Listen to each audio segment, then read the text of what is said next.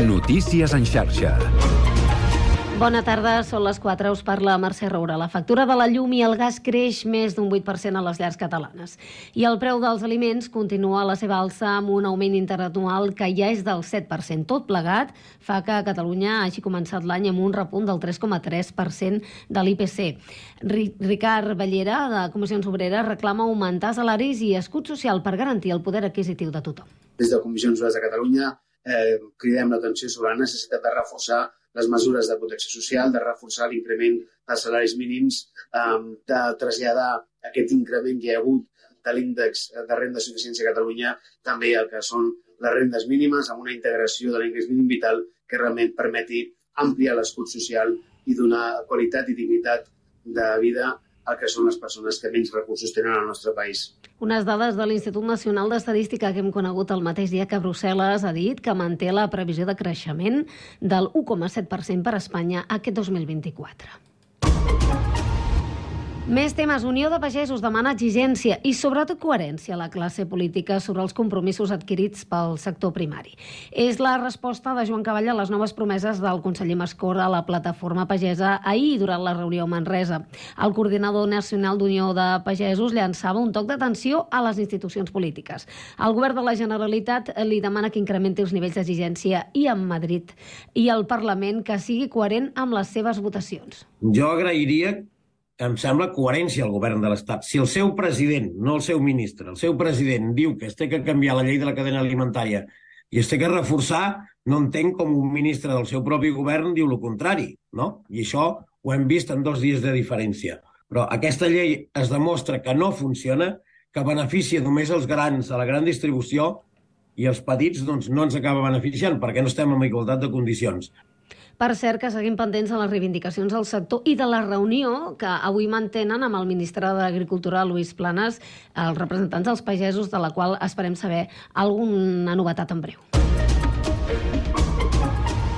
I una nova web permet consultar els temps d'espera a qualsevol residència de la gent gran, una eina que ha presentat el Departament de Drets Socials l'endemà de conèixer l'informe del Parlament sobre la gestió de la Covid a les residències catalanes que, recordem, admetia errors i descoordinació. I un altre programa, en aquest cas de la Diputació de Barcelona, que ha permès salvaguardar 103 parades i 198 llocs de treball als mercats municipals en 6 anys. Es tracta del programa Reempresa, Mercats Municipals, impulsat per la Diputació i la patronal Secot i que va fer posar en contacte parades del mercat que necessitaven relleu amb noves persones que volien iniciar un nou negoci. 4 i 3 minuts. Comença el Connectats.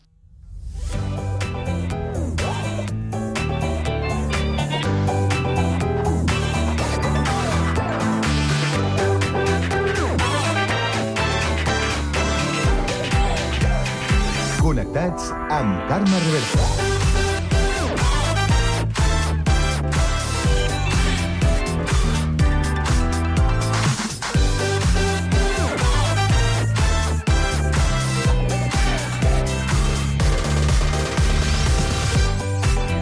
Molt bona tarda, salutacions i benvinguts al magazín de tarda de la xarxa, el Connectats de l'àrea metropolitana de Barcelona, programa que fem i que podeu seguir a través de Ràdio Sant Cugat, Ràdio Sabadell, la Municipal de Terrassa, el Prat Ràdio, Ràdio Ciutat de Badalona i Ràdio Castellà. Una salutació de tot l'equip conduït a la part tècnica per Pablo Palenzuela, Sami Fernández a la producció i d'aquí us parla Carme Reverte. Avui és dijous 15 de febrer i volem saber quin temps ens espera aquesta tarda. Lluís Mi Pérez. Molts núvols aquest dijous, però però ben esquifits i ben inactius. No estan deixant pluja. De fet, hi ha una barreja entre núvols prims que van entrant des de l'oest, des de les comarques de Tarragona també, i aquests núvols més baixos, amb boira fins i tot, que es passegen alguns moments a prop de la costa, sobretot la barcelonina i també la daurada, malgrat que algun banc de boira també ha anat afectant, per exemple, el golf de Roses.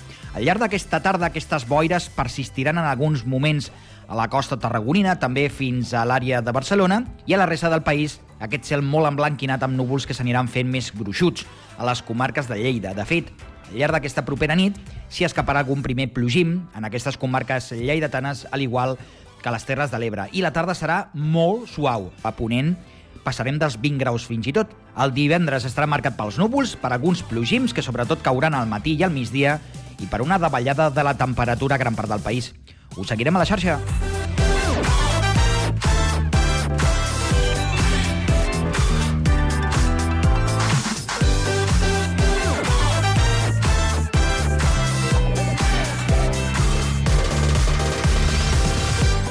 Bé, doncs avui el Connectats torna al seu hàbitat. Ahir, ja sabeu, vam eh, fer programa especial des de Castellà del Vallès i avui emetem com cada dia des de casa nostra, des de l'estudi. I avui parlarem de l'impacte dels ecoinfluencers a Instagram per lluitar contra el canvi climàtic. Entrevistarem en Gemma San Cornelio, professora i investigadora dels Estudis de Ciències de la Informació i de la Comunicació de la UOC. Acabarem aquesta primera hora amb la tertúlia generalista i ho farem per analitzar les protestes de la pagesia a Catalunya i la polèmica al voltant de la cançó que representarà Radio Televisió Espanyola al Festival d'Eurovisió. A partir de les 5 coneixerem la Societat Cultural L'Oliva de Badalona a través de Sergi Berlanga, vicepresident de l'entitat. Continuarem en patrimoni per descobrir la balena del Prat amb l'historiador Pau Rodríguez. I acabarem amb cultura i el nou llibre del santcugatenc Daniel Romaní, Catalunya, plató de cinema. Tot això i més, des d'ara i fins a les 6 de la tarda, a la vostra emissora local. Connectats? Comencem! Kiss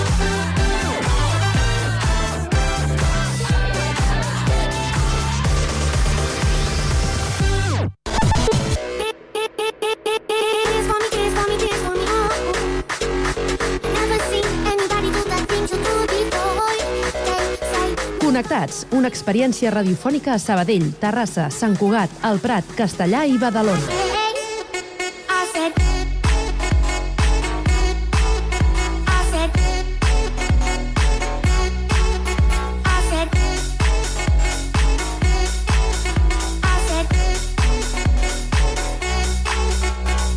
Connectats amb Carme Reverte.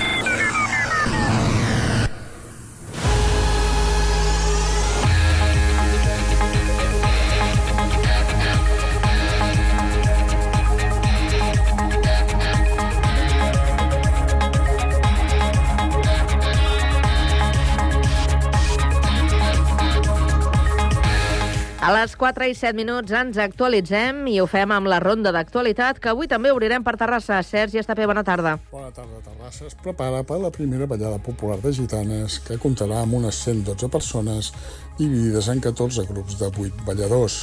Es tracta d'una iniciativa de persones vinculades a la cultura popular que fa mesos van fer una crida per recuperar el tradicional ball de gitanes que es fa al Vallès per Carnestoltes. Ara, i després de diversos assajos, tot és a punt perquè la plaça Vella aculli el primer i multitudinari Ball de Gitanes terrassenc. A partir d'ara, la ciutat, el Ball de Gitanes es farà un cop a l'any per Carnaval. El Ball de Gitanes és una dansa tradicional que té lloc a Catalunya i al País Valencià. N'hi ha de dues tipologies, la que es balla per Carnestoltes al Vallès, com aquesta que es podrà veure dissabte, i el Ball de Gitanes, que es balla per Corpus i per Festa Major al País Valencià.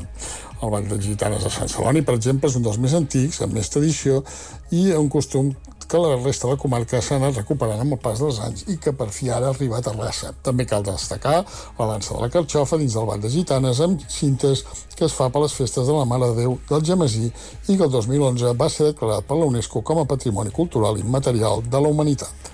Gràcies, Sergi. I ara des de Sabadell ens informa Pau Duran. Bona tarda. Bona tarda. L'alcaldessa Marta Ferrés està d'acord amb el fons del nou decret que regula el desplegament de les zones de baixes emissions, però no amb la forma.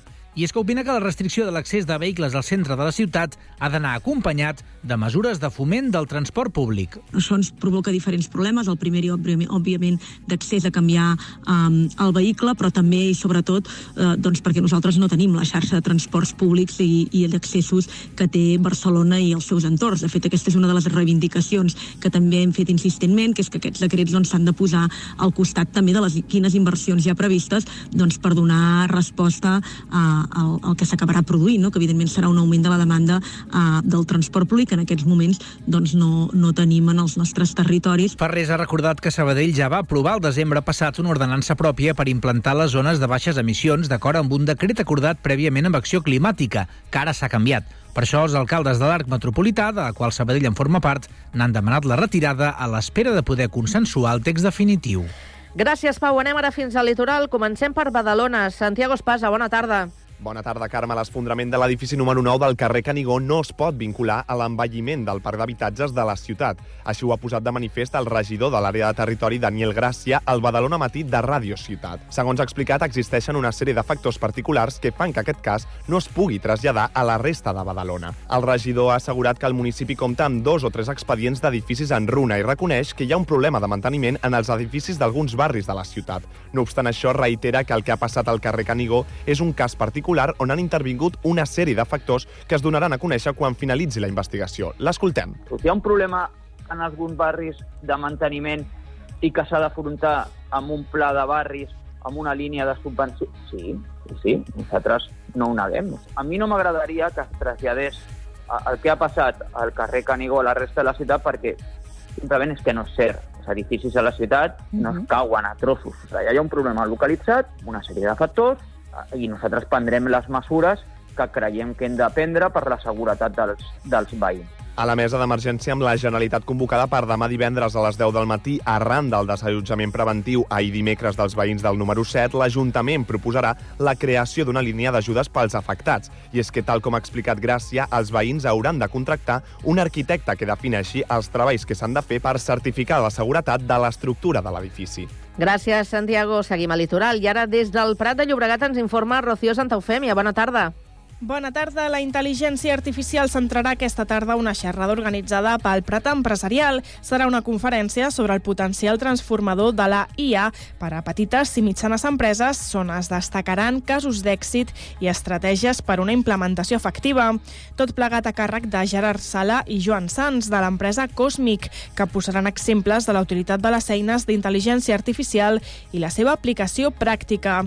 Escoltem Joan Sans.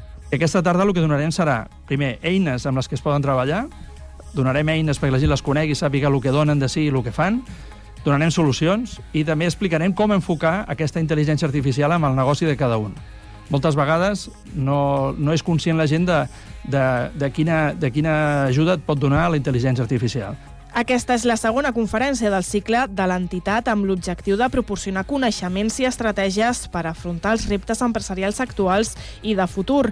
La xerrada Com la intel·ligència artificial pot transformar el futur de les petites i mitjanes empreses serà a l'Hotel Ciutat del Prat avui a les 6. Gràcies, Rocío. Tornem al Vallès i ara anem a Castellà. Jaume Clapés, bona tarda. Bona tarda. Dues docents de l'Escola Castellarenca El Casal, Montse Gestí i Judit Roig, responsables dels projectes Internacional i Natura del Casal, han visitat l'Athens College, a la capital de Grècia, en una activitat de job shadowing.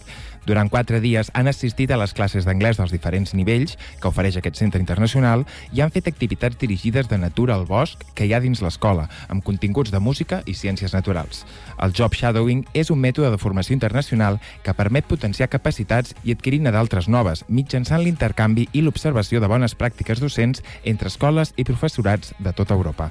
En el cas de l'Escola El Casal, aquesta és una oportunitat de formació i desenvolupament internacional del seu personal docent inclosa en el projecte Erasmus+, finançat per la Unió Europea i el propi centre castellarenc. Gràcies, Jaume. Abans d'acabar, un repàs a l'actualitat de Sant Cugat. Sami Fernández, bona tarda. Bona tarda. Un vehicle lector de matrícules i una càmera mòbil vigilaran les infraccions a l'anella verda, especialment al carrer bici, per evitar que vehicles a motor ocupen o accedeixin a aquest espai segregat.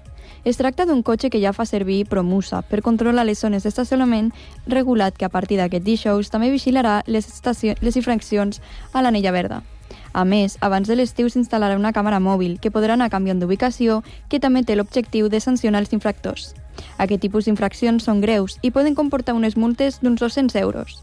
El tinent d'alcaldia de Seguretat, Bernat Vircorell, explica l'objectiu d'aquesta mesura. El que fem és modernitzar uh, una miqueta el, els mecanismes que teníem de control eh, doncs perquè l'anella verda sigui realment doncs, un bon carril eh, ciclable i que, per tant, doncs, eh, els ciclistes el puguin utilitzar eh, de forma eh, segura i aquesta doncs, eh, modernització eh, el que esperem és doncs, que faci un, tingui un efecte doncs, eh, ràpid, com deia abans, i que, per tant, eh, insisteixo un cop més, eh, però creiem que és eh, important doncs, que els ciclistes de la ciutat doncs, se sentin eh, segurs. Sant Cugat compta, segons ha xifrat el cap de la policia local, Josep Maria Escarré, amb unes 200 càmeres entre les de mobilitat, les de zona de baixes emissions, les de control d'accés a les zones de vianants i a les de seguretat ciutadania. La, la gestió de totes elles estan centralitzades, però cadascuna compta amb una autorització per a un ús específic i estan programades per això. En el cas de la càmera mòbil, que s'ha de posar en funcionament els propers mesos, el seu ús està vinculat a la identificació d'infraccions de trànsit.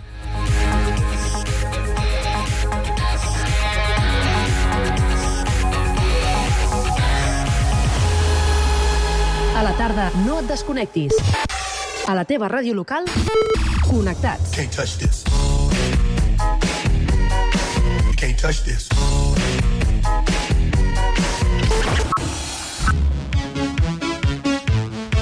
Can't touch this.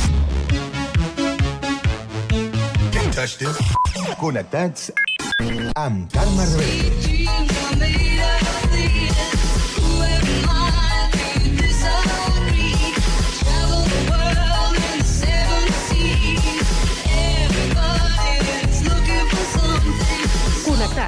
Una experiència radiofònica a Sabadell, Terrassa, Sant Cugat, El Prat, Castellà i Badalona.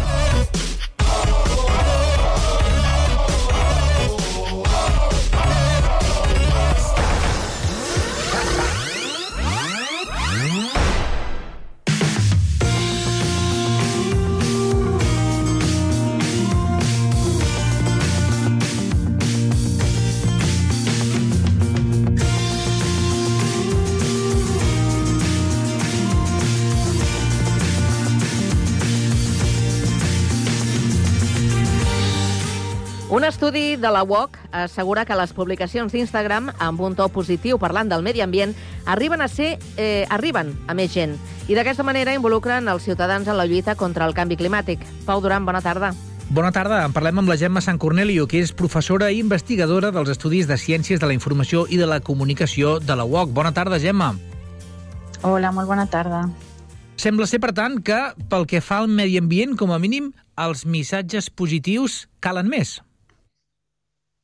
Bueno, això és el que hem trobat amb la d'una banda, revisant una part de la literatura que s'ha escrit que no, que no és molt, molt extensa, però que estan mm, en bona part d'acord amb aquesta idea i després també amb el que vam trobar nosaltres a, amb, bueno, amb les persones que vam entrevistar i hem estat analitzant durant aquest temps els seus contes. Com veu plantejar aquesta recerca? Bueno, aquesta recerca ve, ve- venia d'un projecte més gran sobre narrativa, bueno, storytelling a nivell, a nivell global i ve- veníem estudiant ja fa alguns anys eh, Instagram a, a, a partir d'un altre projecte anterior que era de selfies i narratives personals i llavors a partir de les d'identificar algunes narratives personals que s'assemblaven molt o que sem, mm, tenien certs aspectes, cer- certs elements eh, que recordaven els influencers per aquesta, no? per aquesta manera d'explicar el que fan en el dia a dia i el que eh, una mica en primera persona. Llavors, eh, a partir d'ahir, vam veure que, que treballaven amb missatges eh, dirigits no? amb a, la, a la qüestió mediambiental, a trobar solucions, etc.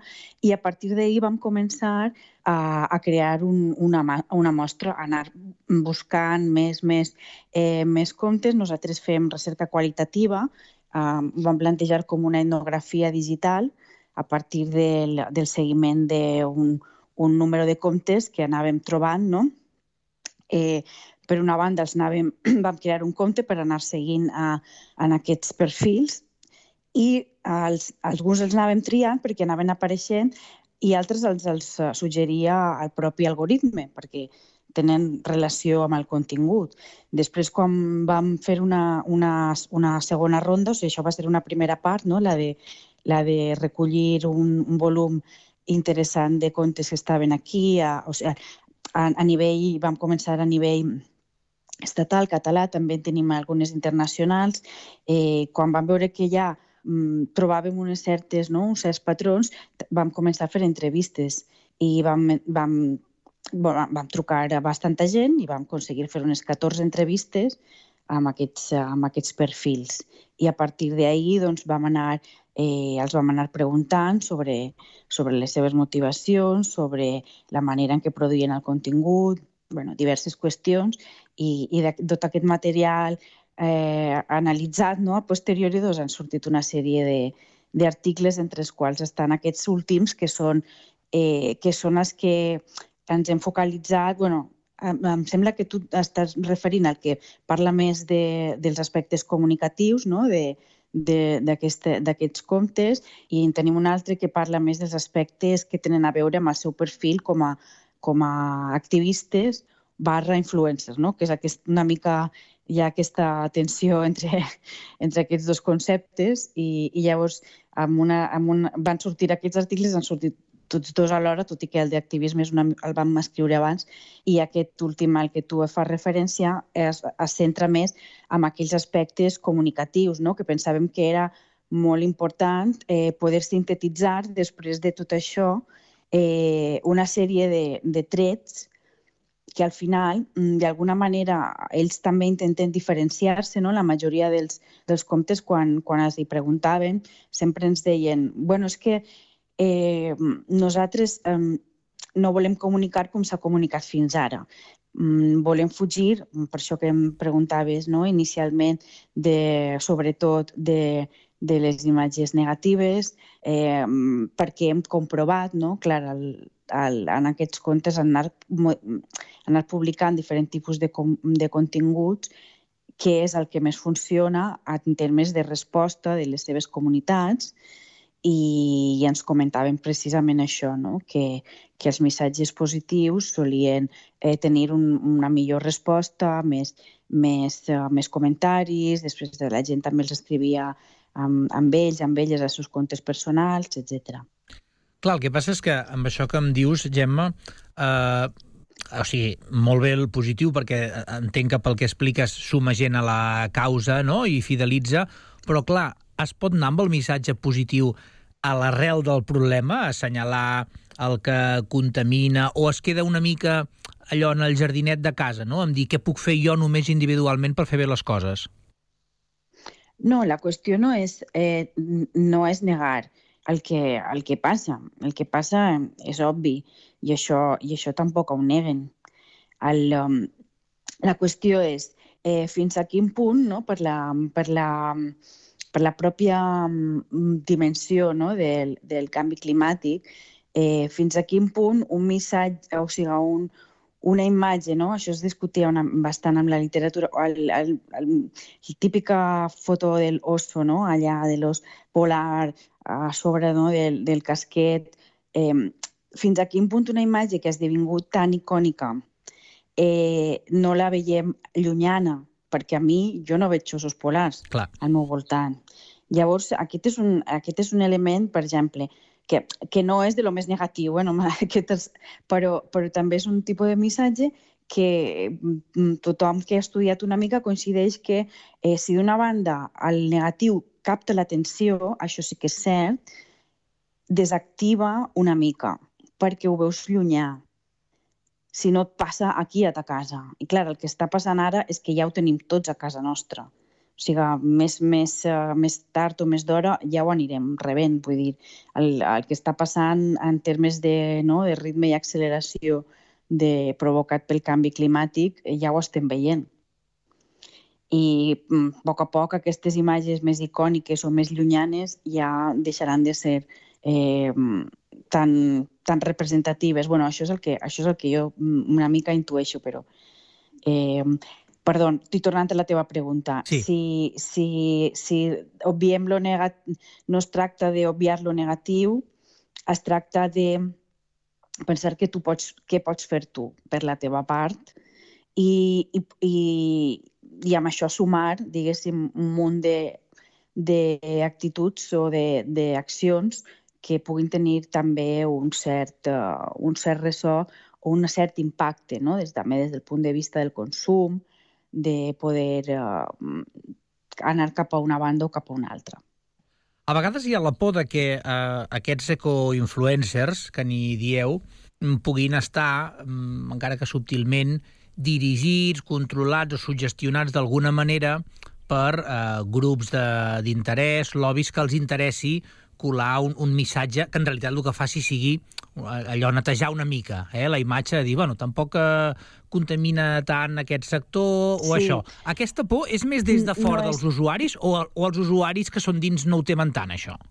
No és el nostre cas, no, no hem trobat, o sigui, no és, no és el cas de la gent que nosaltres hem estudiat, perquè molt pocs, tret, clar, nosaltres els diem ecoinfluències perquè fan servir les uh, de, determinades estratègies no? dels influencers per a arribar al públic, com el que et deia de, de mm, eh, posar-se en primera persona, mostrar com fan coses, no? mostrar com netegen una platja, mostrar com van a un, a un abocador a Gàmbia, no? que hi ha un dels casos que vam estudiar, i, i fan coses. Aquesta és, aquesta és una mica l'estil comunicatiu, però en canvi, en termes de eh, patrocini, hi ha mm, només mm, dues persones, o sigui, només dos, dos comptes, uh, van dir que havien acceptat uh, patrocinis, però no eren de productes uh, ni de, ni de lobbies, eren simplement una, uno era un audiollibres i l'altre, o sigui, eren productes que anaven molt amb la seva filosofia. Això, això és molt important, això sí que ens va, o sigui, amb, amb tots els casos que vam entrevistar, eh, tots teníem molt clar aquest, aquestes línies vermelles i si no els agradava, a, a, a, la, majoria no els agradava que els anomenessin influencers, era per això que dius tu, perquè estan, estan relacionats amb, amb, amb el patrocini, amb el màrqueting i amb una sèrie d'accions que, que, clar, òbviament poden desvirtuar el missatge, no? Però no és el cas, de, no és el cas dels que nosaltres hem estudiat. I després de parlar amb ells, Gemma, um, com, com creus que va la, la batalla comunicativa? Pren força aquesta uh, iniciativa de, dels influenciadors i els seus seguidors a Instagram, per exemple, o tots aquests negacionistes que presenten estudis alternatius, que no està passant res, o, o que aquest canvi climàtic és natural, encara tenen pes en el relat?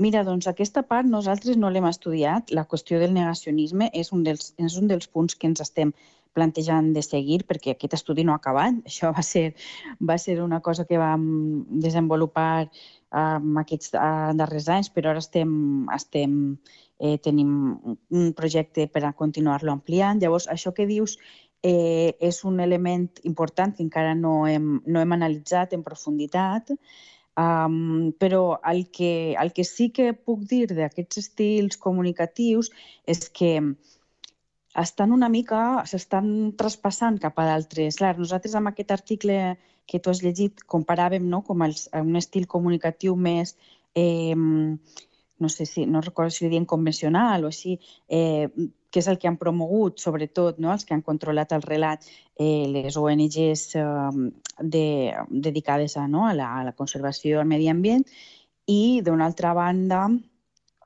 els mitjans, els mitjans eh, clàssics, no? la televisió, els mitjans eh, de masses, per dir-ho així. Llavors, el que, el que sí que jo estic veient són alguns canvis en l'estil comunicatiu d'ONGs. Eh, anant més cap a formats eh, introduint alguns elements d'humor, introduint algun meme, introduint, no sé, a Greenpeace Espanya, per exemple, quan va sortir, doncs farà un any ja més o menys, no? la, la, la cançó, la famosa cançó de, de Shakira amb Bizarrap, no? que feia aquelles, aquells eh, acudits, eh, Sí. sí. jocs amb, amb el nom, eh, doncs aquest el, clarament el van fer servir moltes marques el dia següent a sortir el, a aquest vídeo publicat i Greenpeace Espanya el va fer servir no, com dient clarament, o sigui, així en conya, clarament està hablando del canvi climàtic. No? Això, és, això és una anècdota, és una cosa simple, eh, però, però sí que observo amb alguns, eh, amb alguns um, comptes aquesta intenció d'intentar arribar a més públic, no? fent servir pues, elements comunicatius més propis de, la, de les xarxes socials o de la cultura digital, no? així a nivell general. Això, això per un costat. Després també crec que aniran apareixent altres veus, altres, altres veus mm, no sé, que, que tenen altres estils, no? Hi ha tot aquest, aquest projecte de Hope, que és un crowd, s'ha fet a través d'un crowdfunding, que són uns vídeos documentals, que estan molt a mig camí entre la ciència... bueno, aquí hi ha molts debats en el tema de la, eh, de, de, lo, del canvi climàtic i quines mesures s'han de prendre, hi ha molts debats. No? Un d'ells és el de eh, que una, una posició que és la, la tecnologia ens ho arreglarà tot, no? que, que defensa un sector i hi ha, doncs, ha d'altres sectors que defensen que s'ha de fer un canvi molt més estructural i que la tecnologia doncs, no ho arregla tot. La tecnologia li convé doncs, a determinades empreses que s'hi dediquen no, a sectors que, que són estratègics i que podran traure més benefici no, quan fem aquests canvis. Llavors, a, a, aquí també hi ha alguns, eh, algunes tensions i aniran apareixent nous temes. Jo penso que ara serà aquest tema de la comunicació medioambiental és superclau. Um, penso que s'estan que, que, que la gent se n'està donant no? de fins a quin punt eh, eh, cal enfocar-ho perquè s'ha comunicat molt poc, s'ha comunicat mm, de manera... Jo, crec que molt poc, amb molt poca informació i amb molt pocs matisos de, des de molts punts de vista. No? Ha, ha primat una part del discurs científic que, que si bé es- està bé, però, però algunes vegades tampoc no arriba i tampoc s'ha... No sé, eh, penso que aquí hi ha molt, hi ha molt camí per recórrer, no? des de les xarxes i des d'altres nivells. Però bueno, les xarxes és el que estudiem nosaltres. I l'haurem de recórrer plegats. Gemma Sant Cornelio, professora i investigadora dels Estudis de Ciències de la Informació i de la Comunicació de la UOC, gràcies per atendre la trucada al Connectats. Molt bé, moltes gràcies a vosaltres.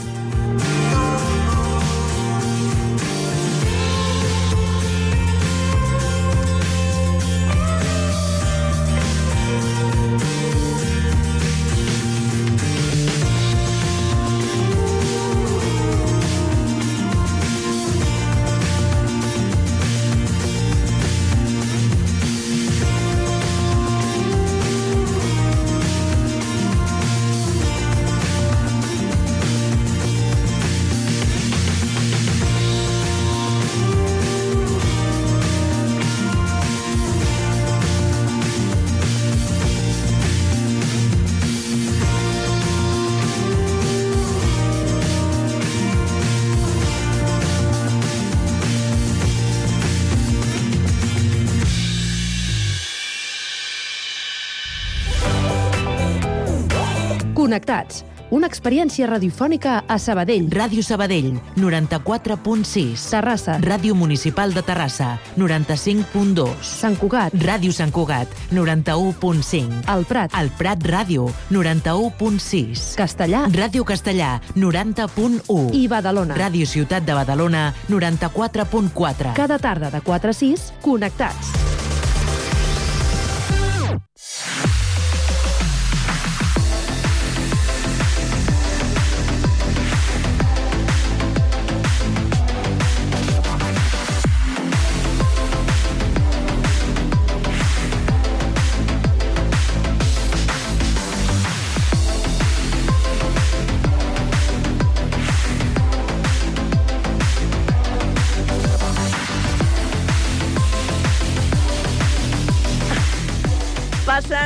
Minuts de dos quarts de 5 de la tarda i és moment ara per a la tertúlia generalista. Avui la fem en companyia de l'Anna Maria Vives, infermera i presidenta d'Anastàsies a Badalona. Anna Maria, bona tarda. Bona tarda, Carme. Molt bé. Saludem també a la- l'Anna Muñoz, que és periodista i la tenim a Terrassa. Anna, bona tarda. Bona tarda, Carme. Bona tarda, Anna. I a la Dolors Vilarassau, directora teatral, que la tenim aquí a l'estudi. Dolors, bona tarda. Hola, bona tarda. Mira, jo eh, no sé si heu notat que estava eh, rient o somrient en la presentació, perquè a propòsit d'un dels temes que després eh, abordarem, em preguntava la Dolors, ens presentaràs com a zorres? No, no, jo no tinc cap inconvenient. em sembla molt Dic, divertit. a mi no se m'hauria acudit mai a la vida de fer-ho així, però clar... Bueno, perquè els periodistes encara esteu amb aquest rotllo del políticament correcte, no? Sí, igual que els, sí, sí, igual sí, que els sí. polítics, no? Sí. I potser que ens el anem traient una mica de sobre, tant, tanta, tanta Però, correcció. A, a veure, també t'ho he de Ah, dir, sí? correcció o no a banda, eh, no us posaria aquest qualificatiu perquè entenc que no, no, que no toca, que no, que no, que no s'escau. A veure- jo buscaria un, al, un altre Sí. diferent per cadascuna de Depèn vosaltres. si el, re, el resignifiques o no, que és el que fa la cançó. Jo resignificat, sí. Sí? Sí. Sí, vinga, doncs després, després us manifesteu al respecte del tema, però és que clar...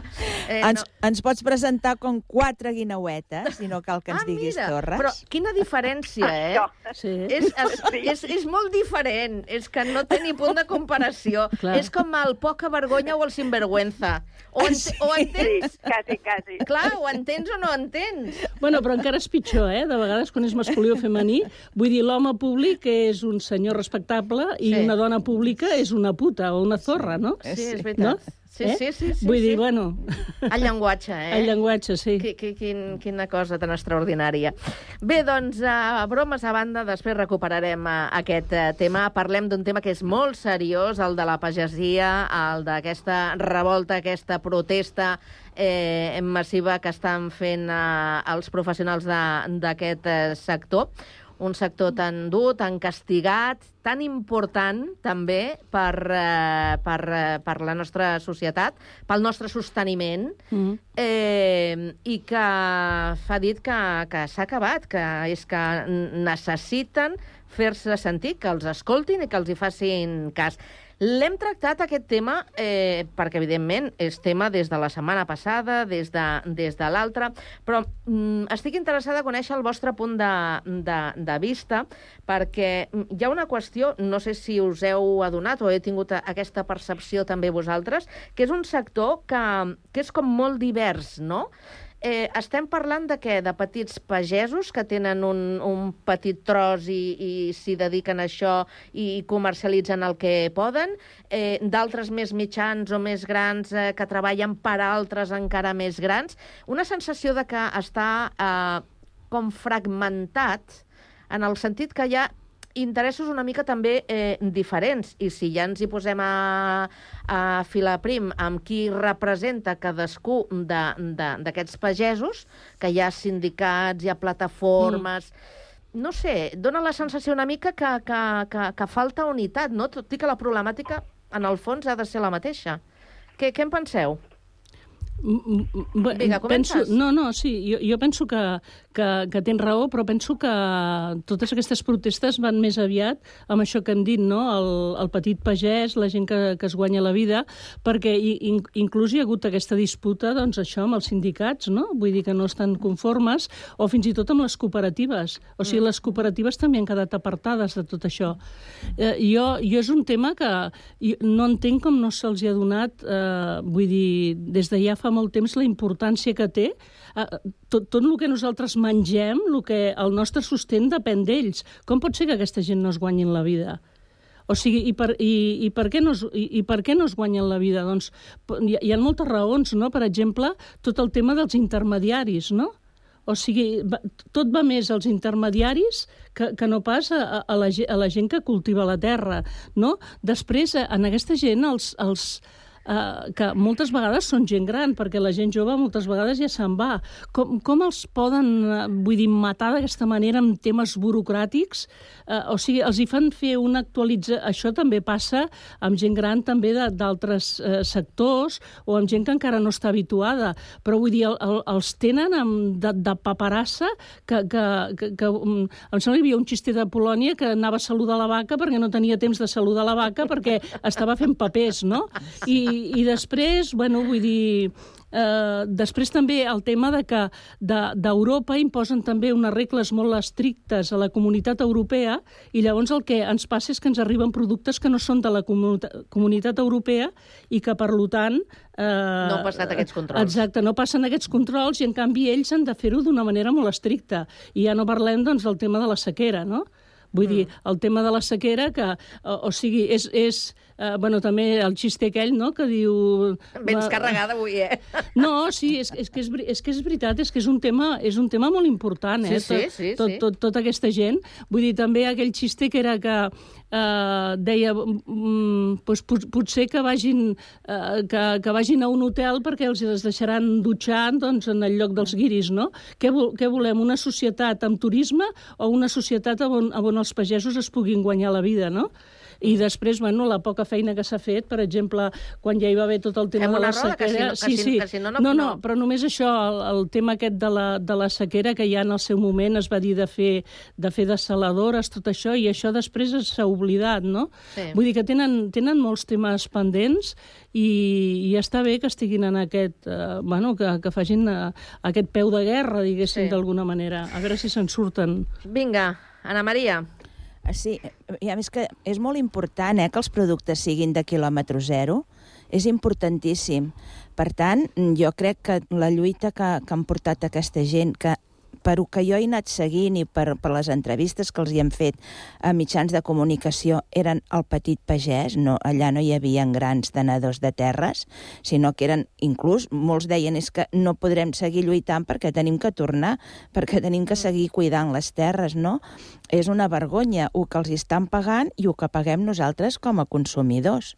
Vull dir, aquest, eh, aquesta diferència que hi ha amb el que ells els hi paguen per pes a el que nosaltres paguem, aquí tindria que haver-hi algú que ho regulés. Després, quant de temps fa que en, en, en aquest mateix programa estem parlant de la sequera? És que portem molt, molts, molts mesos. I el que hem dit sempre, mm, quan correrem, quan ja no hi siguem a temps? Doncs bé, ara, clar, els, els estan tallant l'aigua.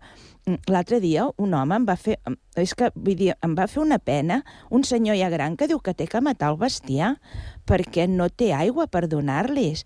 Aviam, és que estem, estem fent una societat que de veritat jo, jo que tenia tanta fe després de la pandèmia, de que sortíssim enfortits amb, amb, amb tot, i cada cop estic veient que, que o no sé, o no ens van matar prous amb la pandèmia i encara ens en tenen que carregar uns quants més, o, o no ho entenc, perquè vull dir, i, i que, que surten al carrer, i tant que tenen que sortir, el que és que tindríem que sortir tots al carrer, no tan sols ells. Sembla, és que si se'ns talla... Una, sembla una, si se- una societat contra cultura. Ai, contra natura. Sí, sí, No? contra natura, com, com, completament contra natura. És que, vull dir, no sabem el que és que, que als supermercats arribi un moment que no tinguem menjar. És que avui mateix, amb, amb els preus, vull dir, és que és, és, que és escandalós tot plegat. I aquesta gent té que lluitar. És que ja et dic, eh, tindríem que lluitar tots per la terra. Mm. Anna. A veure, jo bàsicament, eh, bàsicament estic d'acord eh, amb tot el que han dit l'Anna Maria i la Dolors. Però hi han dos aspectes que també hauríem de tenir en compte.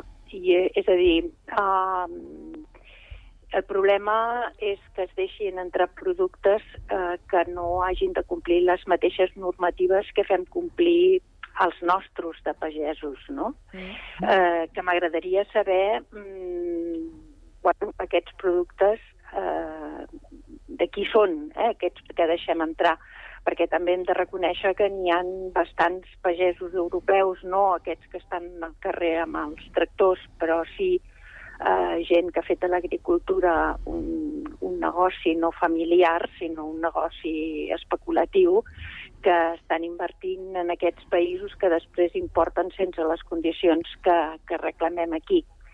Per mi és evident que no se'ls està pagant un preu just, ningú pot treballar ni ha de treballar per, per sota cost, això és impensable, mm, però també és veritat que ells, eh, eh, quan això es normalitzi, també hauran de fer esforços en millorar les seves explotacions, especialment ara que estem parlant del tema de la sequera, eh, és veritat que amb ells se'ls està pagar, fent pagar la factura més grossa, però també és veritat que ells porten molts anys sense implementar sistemes de rec que impedeixin eh, un consum excessiu d'aigua o no plenament justificat. Mm? Eh, com també ens obligarà a tots a pensar que, bueno, jo també defenso els productes de quilòmetre zero, però quan vaig al mercat eh, també comparo eh, preus, vale? i a vegades pues, no hi ha butxaques que no s'ho poden permetre. Mm? És a dir, que han d'optar per productes més baratos. Sempre haurem de deixar, mm, sempre haurem d'importar mm, menjar, perquè nosaltres no produïm el suficient, però mm, com a mínim que aquest menjar mm, competeixi al mercat amb les mateixes condicions que els obliguem a complir els que són d'aquí. Ja sé que no és una postura molt... Um, jo entenc eh, les reivindicacions, entenc mm. que estiguin farts. Uh, estic uh, plenament d'acord amb quasi bé el 100% de les seves reivindicacions, però com a consumidors nosaltres també ens ho hem de plantejar. És a dir, si trobem tomàquets a dos euros o trobem tomàquets a un euro que estan passables, segurament ens quedarem als de un euro i no preguntarem d'on són. Sí, sí. És veritat, i ara també ja has posat aquí eh, un, un focus en, en, en una qüestió que ens eh, toca directament a, als, als consumidors. Eh, quan heu fet servir l'expressió quilòmetre zero, hem, de, hem de dir, perquè la gent entengui, que, com deia també, el gag del Polònia no són els productes que compres al súper del costat de casa, no? Que, que No? Són, no, són, no són aquests, són aquells que No. s'han conreat, que s'han s'han fet eh, i que s'han produït a, a, a, a prop del, del, del propi territori que, i, evidentment, hi ha, hi ha coses que no cal que, que, que li posem l'etiqueta, perquè sabem que aquí no es conreen, no? Però hi ha productes com, per exemple, l- l'alvocat, que, que abans era considerat una fruita més eh, tropical, Eh, ara sí que eh, a Espanya hi ha llocs on, on, on es, Es conrea. sí, sí, sí. Sí, sí, sí. Doncs eh, tenir clar que és allò de quilòmetre zero, perquè queda molt bé com a eslògan, però que tinguem clar que, que, que és el que és. I després destacar eh, això que comentàvem eh, abans de, del, del paper que estan jugant les plataformes, els sindicats, la Dolors també deia les eh, cooperatives, Les cooperatives. Que, que, els, que els hi passa una mica com ha passat en qualsevol altre sector, no?, eh, eh, entre els treballadors i, i, i aquests grups que en teoria han de defensar els seus eh, interessos, no? Que al final s'acaben, eh, diguem que, acomodant Sí. i, i no, no, no atenen a les necessitats que tenen aquests col·lectius. També, també ho han Sí, manifestat, però que de és totes així. maneres, jo, jo crec que, especialment a les primeres manifestacions, els primers bloquejos de carreteres, hi havia molta gent barrejada, que mm. últimament sí que hi han hagut com més divisions, no? però que al començament del moviment sí que va ser l'expressió d'un rebuig eh, generalitzat a la situació. Clar, eh, també entenc que hi hagi gent que digui que ja està farta de tenir uns mediadors que no defensen els seus interessos. Mm. I això pues, jo crec que ha provocat... A més a més, penseu que des del començament, eh, s'ha, especialment pels mitjans, i aquí s'ha de reconèixer la nostra responsabilitat, s'ha vinculat al moviment de protesta agrari especialment a Espanya, amb grups de l'extrema dreta, i sí. jo crec que deu haver gent Sí. de tota mena. Eh, bueno, suposo que això provoca... En si mateix és una manera de dividir-los, no? perquè es pot lluitar més bé contra un moviment que està dividit que no contra un que va a la una. No? Sí, sí. Sí, però a Catalunya s'han desmarcat, eh? Mm. S'han desmarcat d'aquests moviments de- d'Espanya. Sí, sí, sí, sí. sí. Mm. Sí, sí. Clar, clar, sí, tu- però bueno, la plataforma 6F tampoc no està massa clar d'on... Bueno, o diuen que no està massa clar d'on t'ha sortit. Per això que jo crec que al començament el que va ser va ser l'expressió de- de- de- d'un d'un neguit, d'un rebuig molt generalitzat. I que és ara que estem posant etiquetes a, a tot. Jo crec que si les reivindicacions són justes ens hem de posar al costat de qui està defensant unes reivindicacions justes i ens sembla que són justes, és a dir, insisteixo, treballar per I tant. sota cost és absolutament uh, denigrant. Mm -hmm. Clar, amb això que deies del, del quilòmetre zero, bueno, també, també això que deia, no? La, com a societat que estem disposats a, a, a pagar doncs perquè, eh, perquè, per exemple, els productes doncs, siguin de quilòmetre zero o tinguin menys eh, pesticides o coses fitosanitàries o, per exemple, perquè els animals eh, estiguin en condicions que hi hagi, o sigui, un benestar animal, vull dir, abans que s'arribi al sacrifici d'aquests animals, no? I llavors, bueno, això també ens ho hem de plantejar, vull dir, èticament, o sigui, èticament que eh, estem, bueno, primer, ho permeten les nostres butxaques o quina aportació ha de fer l'Estat perquè, perquè això també es pugui, es pugui produir, no? perquè, no sé, tots, tots demanem això, doncs, que, que els productes, doncs, eh, bueno, això, que hi hagi una ètica, doncs, en el, eh, per exemple, en el sacrifici dels animals, que no, se, no es facin servir eh, pesticides i productes que poden danyar, però, bueno, eh, són molts i s'ha de repartir, i de vegades també la pagesia, hi ha tota una part de la pagesia que no està gaire conforme també amb, amb tot això, no? També és un Mhm. tema a tenir en compte. No, i que heu parlat eh, de, la, de la reducció mm, burocràtica i em sembla que ha sigut tu, Dolors, que ho has comentat, que no tan sols amb la pagesia, sinó que amb moltes persones grans l'accés de burocràcia els, eh, els aclapara i, i els anula. Mm? Jo no sé, jo que treballo amb gent gran, ara em ve al cap, tot quan tenen que tramitar qualsevol llei de dependència i la quantitat de papers i papers i papers que necessiten, que moltes vegades la persona que, que ho necessita té 80 anys i el cuidador en té 82. Vull dir que són persones grans. I l'accés de burocràcia aquí sí que crec que, que l'Estat els hi tindria que fer costat, ja no tan sols eh, en aquest sector d'agricultors i, de, i de ramaders, sinó en, en molts altres sectors la- l'accés de burocràcia tindria que estar bastant, bastant solucionat ja. Però per tots, I a eh? vosaltres, a Per vosaltres tots, per tots. sorprèn.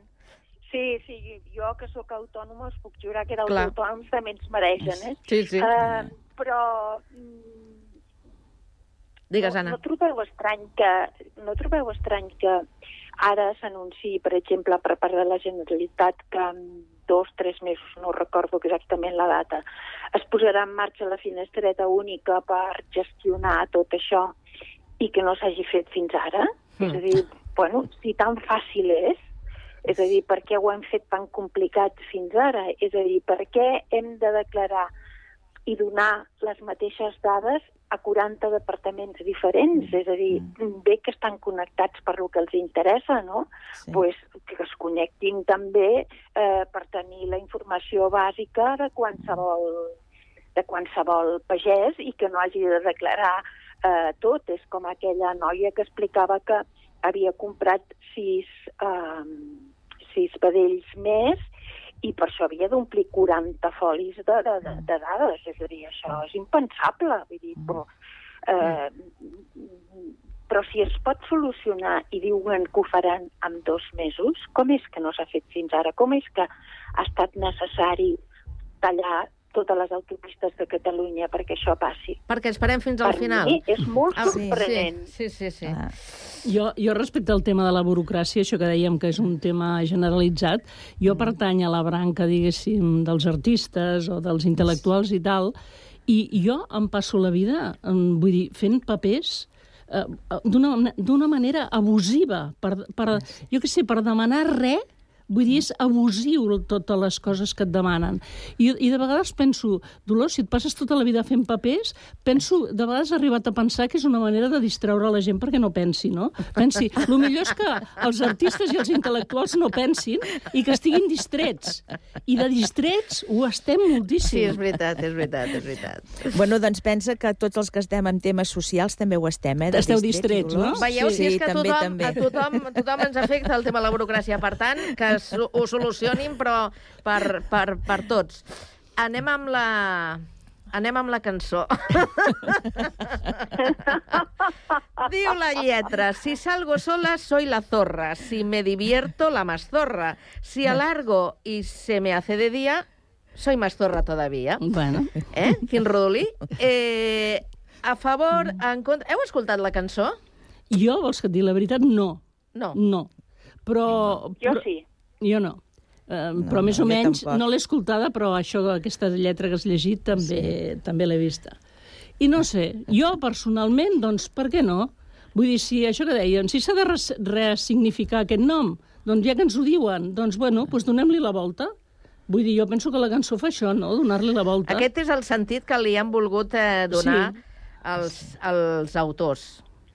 Mm, vu- vull dir, a, a, mi no, a mi no em sembla malament. Ara, bueno, ja que diu que, per exemple, la, la coreografia que es fa en relació a la cançó doncs és una mica machista, després també hi ha aquesta lluita que, que també aquí entra el tema, també els artistes també estem molt cansats del políticament correcte.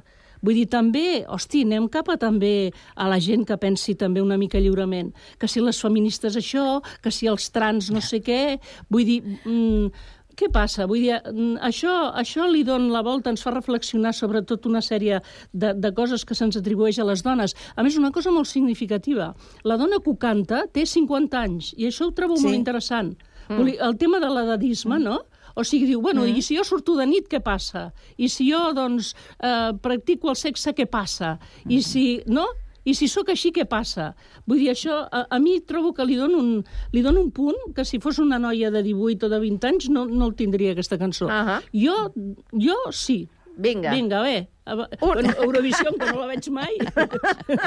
Però ara, ara sí que hi ha posat cullerada. Vinga, Ana Maria. Sí, jo tampoc Eurovisió ni la veig ni la No, segueixo. mm. Però, però mireu, com a, curio... vull dir, com una anècdota, els hi vam posar en el centre de dia aquesta cançó per aviam què opinaven tota la gent gran que tenim. Vull dir, tenim homes i tenim dones i...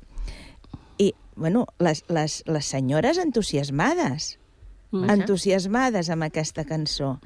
Ja era hora que algú digués això, perquè sembla mentida, que sempre ens han dit que no podíem fer les coses. Persones de 85, 87, 90, 91, 93 anys. Curiós. Vull Molt dir, curiós. cap, cap es va esgarrifar, cap va dir... Ells no, ells reien, eh? Vull dir, no opinaven. Ja, ja, La, ja. El cantor masculí no opinava, però elles, reivindicatives al 100% amb aquesta cançó. Aprofitant. Anna, vinga, que tens menys d'un minutet. Mm, Mm. Sento dir, Santi, jo crec que es poden reivindicar moltes coses sense la necessitat d'utilitzar una paraula com zorra. No, no ho sé, jo no li trobo la gràcia per... I ho sento, però és que no li trobo la gràcia. Escolta, dir, per jo- gustos colors, cadascú té el seu Clar, punt i de vista. Eh, jo crec que, mm, no sé, que les reivindicacions s'han de fer, però que canviar el llenguatge eh, és complicat i a mi no m'hagués agradat que m'haguessis saludat dient uh, hola zorra. Vinga, doncs res, ho deixem aquí i un altre dia ens trobarem. Senyores, gràcies per l'estoneta. A vosaltres, Gràcies, bona tarda. Arnau. Gràcies bona a tarda. vosaltres. Adéu. Adéu.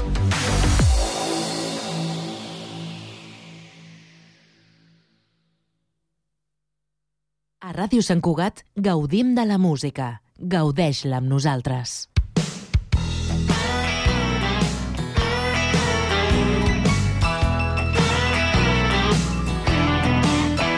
I was born a rambling man with swamp